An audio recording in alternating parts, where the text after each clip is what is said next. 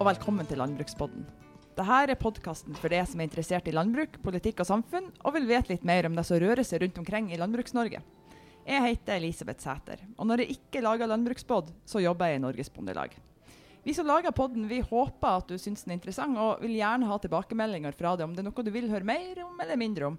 Følg oss gjerne på Facebook, og abonner på oss på iTunes. I dag skal det handle om å være ny og ung, uh, ung og nyoppstarta i næringa. Nærmere bestemt å være en ung bonde. Er det bare fryd og gammen å ta over et gårdsbruk i dag, eller snakker vi blodslit av beinhardt arbeid? Og så må vi selvfølgelig spørre oss var alt egentlig bedre før? Jeg er så heldig å ha med meg to unge bønder, Einar Kiserud og Cecilie Nilsen. Begge var blant topp fem kandidatene til Årets unge bonde, og Cecilie stakk av med seieren til slutt. Hjertelig velkommen til Landbrukspodden til dere begge to. Tusen takk for det. Tusen takk. Jeg må starte med det, Cecilie. Gratulerer så mye med tittelen Årets unge bonde. Takk det var det. over 450 nominerte. Hvem var det egentlig som nominerte det? Eh, det var eh, landbrukssjefen i kommunen eh, min som sammen med ordføreren hadde prata om at eh, de mente at jeg var en god kandidat. Eh, og jeg visste ikke om det, så jeg fikk ikke greie på det før jeg var i semifinalen. Mm. Var det da lokalavisa ringte? Eh, da ringte de fra arrangøren at det var videre i semifinalen. I dag mm. ordføreren og landbrukssjefen begynner å konspirere, så altså, det er jo bare å, å, spille med. Du kan ikke komme på kanten. Ja, nei, det var veldig hyggelig, det. Juryen sa da navnet ditt ble lest opp, at du var driftig. Du drev et helhetlig gårdsdrift. Du var opptatt av bærekraft og dyrevelferd. Kan ikke du fortelle litt om eh, hvordan gårdsbruk er det du har? Eh, vi driver med både ammeku og alpakka. Uh, og um, har ca. 200 storfe med stort og smått eh, i rasen limousin. Uh, og da leverer vi kalv i all hovedsak i den produksjonen. I tillegg så er vi med i et samarbeid med to andre om en helt ny wagyu-besetning av den japanske storferasen wagyu. og i tillegg det jeg er kanskje mest kjent for, er jo alpakkaen. Eh, så det er ikke én dag som går forbi uten at jeg får høre 'du store alpakka'. Begynner du å bli litt lei? Litt lei. Har dere drevet på lenge? Eh, vi overtok eh, gården eh, i 2009. Eh, og det samme året så kjøpte vi våre to første alpakkaer. Eh, så ja. Hva Overtok du gården fra familie, eller kjøpte du? vi overtok gården fra mannen sin onkel. Mm. På sida av det sitter òg Einar Kiserud. og samtidig, Selv om du ikke stakk av med seieren, så topp fem blant 453 nominerte til Årets unge bonde. Det går ikke an å være misfornøyd da? Eh, nei, det gjør kanskje ikke det. Eh, for å si som eh, Didrik Solid Tangen sa når han ikke vant i Stjernekamp, at eh, klart han er litt skuffa, men eh, ja, går en dag eller to, så får jeg kanskje rista det av meg. Så, men absolutt, det er veldig hyggelig å komme så langt som til topp fem. Det må jeg si, og helt klart en veldig verdig vinner i Cecilie, så bare gratulerer. Hvem var det som nominerte det, Einar? Eh, du, det var vel eh, ordføreren eh, i Spydberg eh, hos meg også. Så det var absolutt hyggelig å bli nominert. Ordførerne, de kasta seg virkelig på? Ja da, det gjorde de. Jeg tror nesten det gikk en liten sånn uh, stafett dem imellom om, om, å gjøre å nominere driftige bønder rundt omkring. Så. Kan ikke du fortelle litt om gårdsdrifta di? Uh, ja, jeg driver da en gård uh, i Spydeberg i Østfold. Uh, jeg produserer stort sett melk. Har 420 tonn i kvote, økologisk, alt sammen. og så driver jeg en god del areal. Um, også I den drifta vår har vi lagt vekt på å produsere det meste av fôret til dyra uh, sjøl. Så vi, I tillegg til gress så har vi både rugveite, havre og erter i blanding til modning, som vi tørker og valser og gir til kuene. Og så har vi åkerbønner. Eh, eh, høstraps dyrka vi nå i år for første gang, og det skal vi presse olja ut av og så bruke rapskaka til kuene. Når uh, tok dere over? Jeg tok over gården i 2011 uh, etter faren min. da. Um, men jeg har drevet som bonde siden 2006 på leid areal. da. jeg har lyst til å spørre dere begge det først, Cecilie. Har dere alltid hatt lyst til å bli bonde, eller er det noe som har liksom, måttet modnes til litt eh, med årene før man plutselig bare sto og måtte ta beslutninger om å gå all in, eller eh, gjøre noe helt annet? Eh, jeg har alltid vært hestejente. Eh, og allerede i første klasse så så jeg eh, meg ut bonden min, for vi gikk i samme klasse. Smart. Så jeg har faktisk igjen første klasse eh, hatt lyst på, på min kjære mann. Eh, og eh, at eh, vi kom til gården eh, av hans onkel såpass tidlig, det er vi glade for. For da kom vi i gang eh, mens vi var unge, og da tenker jeg at man eh, er unge og raske. og det som er utfordringa, er kanskje at man ikke har så mye eh, egenkapital som unge. Men man har jo i alle fall ofte mye guts. Det er litt artig at du sier det, fordi det er mange som snakker om det i landbruket, at altså, hvis man ikke slipper unge til tidlig nok, så går årene, man går kanskje og venter på å ta over, og etter hvert så begynner man liksom sakte, men sikkert å bevege seg over i andre karrierespor, og til slutt så er det liksom, når gården plutselig da er eh, tilgjengelig eller klar for overtakelse, så er det egentlig for sent. Eh, deler du den oppfatninga? Eh, Jeg vil tro at det kan være vanskelig å gå tilbake så man har et bedagelig liv i en annen karriere, der man kan jobbe fra åtte til fire. Eh, For det er jo en ganske annerledes hverdag som bonde. Eh, Så jeg vil eh, se mange fordeler med å kunne begynne som ung. Ja. Det jeg ikke nevnte innledningsvis, og som jeg må innrømme jeg ble litt eh, slått i bakken da juryen leste opp eh, ja, hvorfor Cecilie var vinner, det var at hun hadde fire barn. Hvordan i all verdens navn har ikke får tid til å drive en gård i tillegg? Nei, si det. Um, jeg har med ungene på mye av gårdsarbeidet. Um, men ellers så uh, er jeg glad i å ha mange baller i lufta. Tydeligvis. Einar, nå bare kommer jeg med en, en vill gjetning. Uh, Spydeberg er etter tom, muligens i hvert fall har tenkt på NMBU.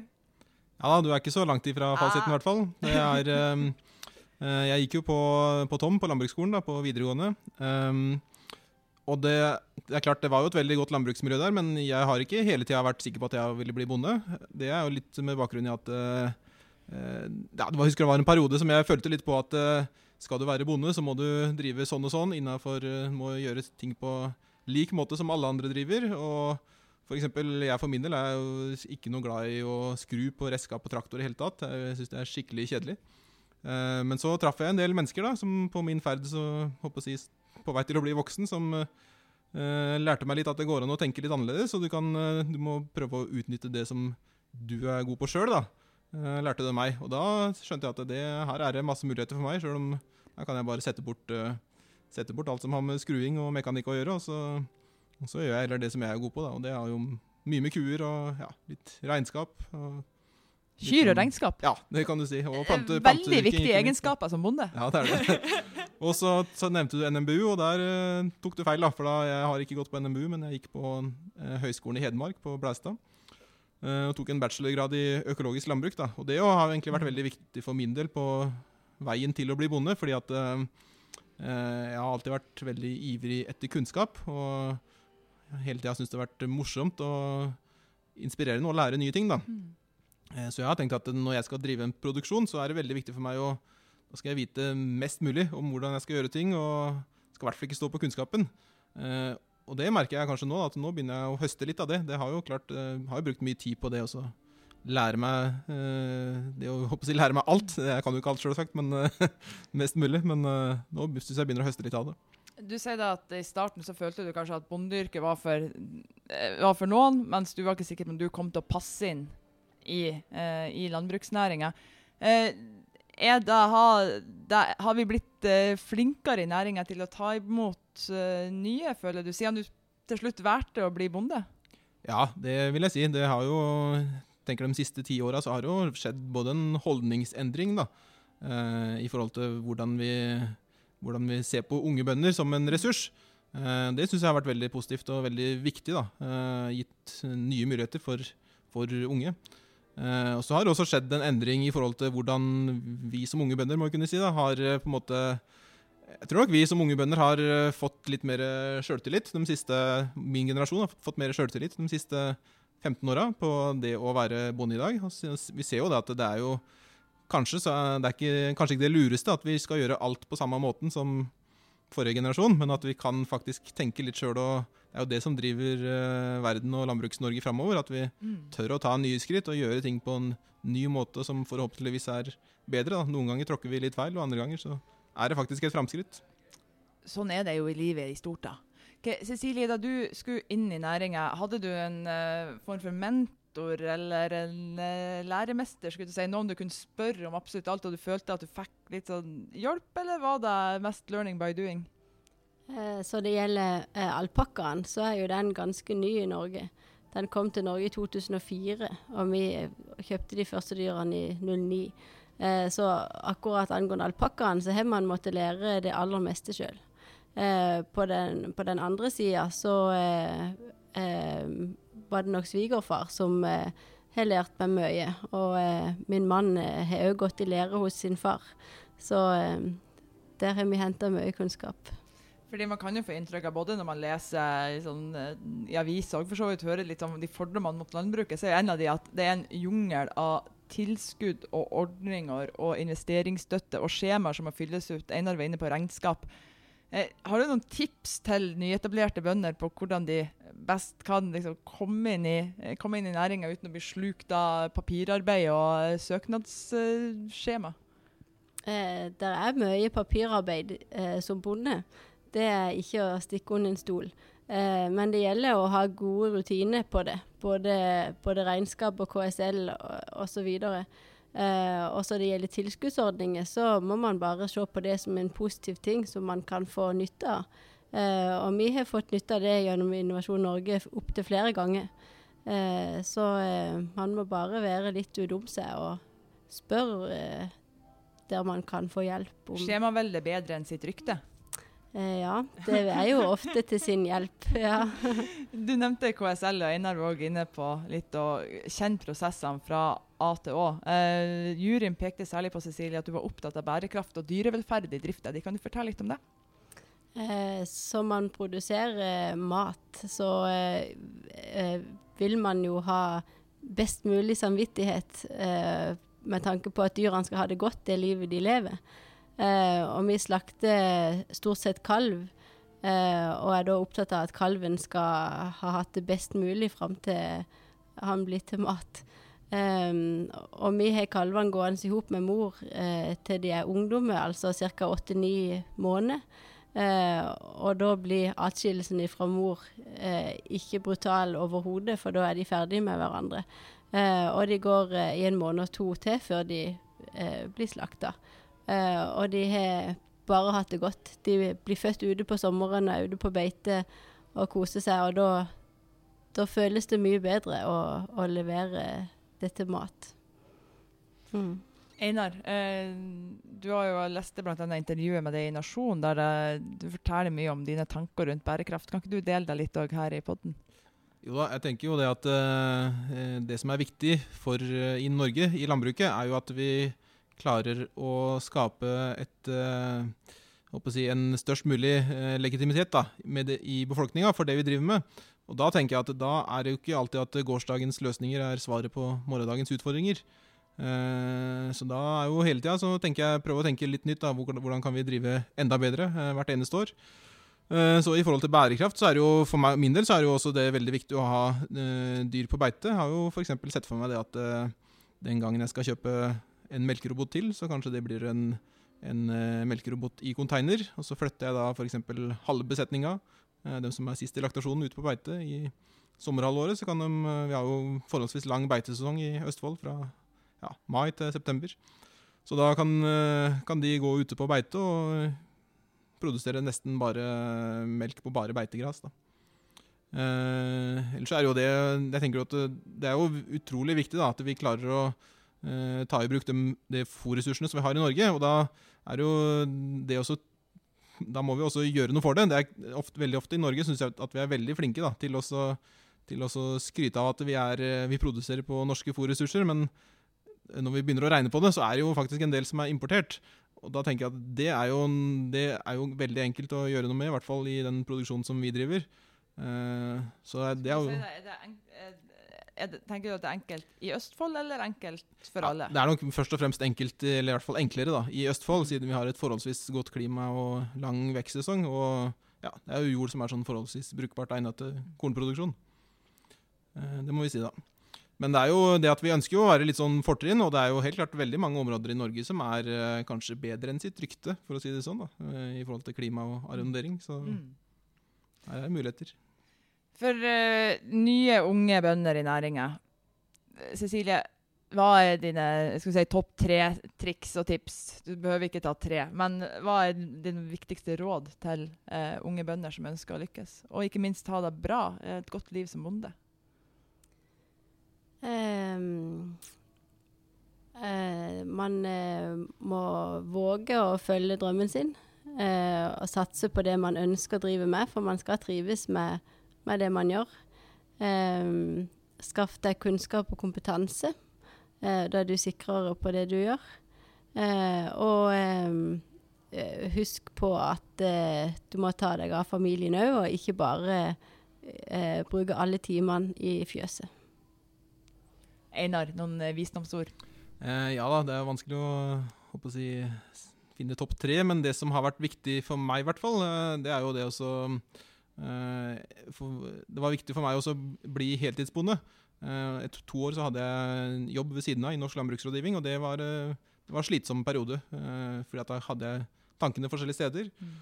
og så er det jo det å ta vare på seg sjøl. At en utslitt bonde er en dårlig bonde. da.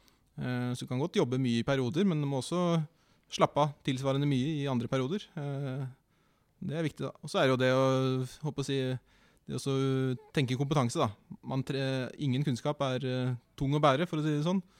Uh, så lære seg mest mulig og tenke litt kreativt, da. Det har vært viktig for meg, i hvert fall. Mm. Og så ha et fagmiljø rundt seg, ikke minst. da. Mm. Ha flere personer som du kan snakke med jevnlig og få litt ideer fra og spille på. da. Mm. Og ikke minst, det er jo klart mange dager hvor det ikke er noe gøy å være bonde, som er hvor været ikke går med en og alt går trått. Og da er det jo viktig å ha gode kollegaer rundt seg og kunne snakke med. Helt klart. Det tror jeg du har helt rett i. Hva- Kan jeg spørre, du, Var du en av de bøndene som hadde sleit mye med regn under innhøstinga? Eh, både ja og nei. Det var nok folk som sleit eh, mer enn meg. Jeg hadde en del høstkorn som vi fikk tatt før regn, og så hadde jeg en del eh, åkerbønder som ikke var modent i regnet. Mm. Så vi kom jo i mål sånn. eh, Hender det da at du bare alltid våkner opp og hører regnet slå mot ruta og tenker F, nå gidder jeg ikke mer. Eh, ja, det jeg har vel tenkt tanken, men samtidig så Det går to sekunder, og så bretter vi opp erma, så starter vi på nytt igjen. da. Årets unge bonde, eller topp fem av 450 nominerte som Årets unge bonde. Cecilie, føler du eh, et tungt ansvar på skuldrene dine? Eh, ja, man er jo ydmyk eh, eh, over å ha kommet så langt, for man vet at det er veldig mange andre flinke. Ehm, mm. Er det noe spesielt eh, oppgave eller eh, budskap du eh, har lyst til å bruke tid på å formidle eh, i det her året framover? Jeg tenker at man eh, kommer jo i alle fall i en posisjon der man har muligheten til å være med og bevisstgjøre eh, angående nettopp dette med trygg og norsk mat. Og hvis man kan være til inspirasjon for andre unge bønder, så er jo det veldig bra. Einar, selv om du ikke vant, så ble det blant topp fem, så jeg tror liksom ikke du slipper helt unna å bli eh, bedt om å eh, være med og være en rollebilde for, eh, for unge bønder. Er det noe spesielt du har lyst til å formidle som du skulle ønske at du fikk høre før du bestemte deg for å bli bonde? Jeg tenker at det, håper å si, Selv om vi ikke vant, så vi som ikke vant, da, vi må jo kunne kalle oss årets nest yngste bonde. Og det er jo ikke noe dårlig tittel heller, må vi kunne si. Uh, nei, det er jo Jeg har jo lyst til å formidle alle de mulighetene da, som ligger i landbruket i Norge. Uh, og det er jo håper å si, ikke bare innafor landbruksproduksjon, men det er jo landbruksnæringa som helhet. Det er jo utrolig mye muligheter da, i forhold til alle som vi kjøper tjenester av, og alle tilknytta næringer som rådgivning og, og ja, entreprenører og alt mulig, mulig rart. Så det, ja, det er det jeg har lyst til å bidra med, i hvert fall. Jeg vil ønske dere begge to masse lykke til i året som kommer. Jeg er helt sikker på at vi vil få se, vil få se veldig mye eh, til dere i ulike sammenhenger. Cecilie Nilsen og eh, Einar Kiserud, tusen takk for at dere kom til Landbrukspodden. Takk for oss. Bare hyggelig. Og tusen takk til deg som hørte på. Håper at du vil høre på oss igjen neste uke.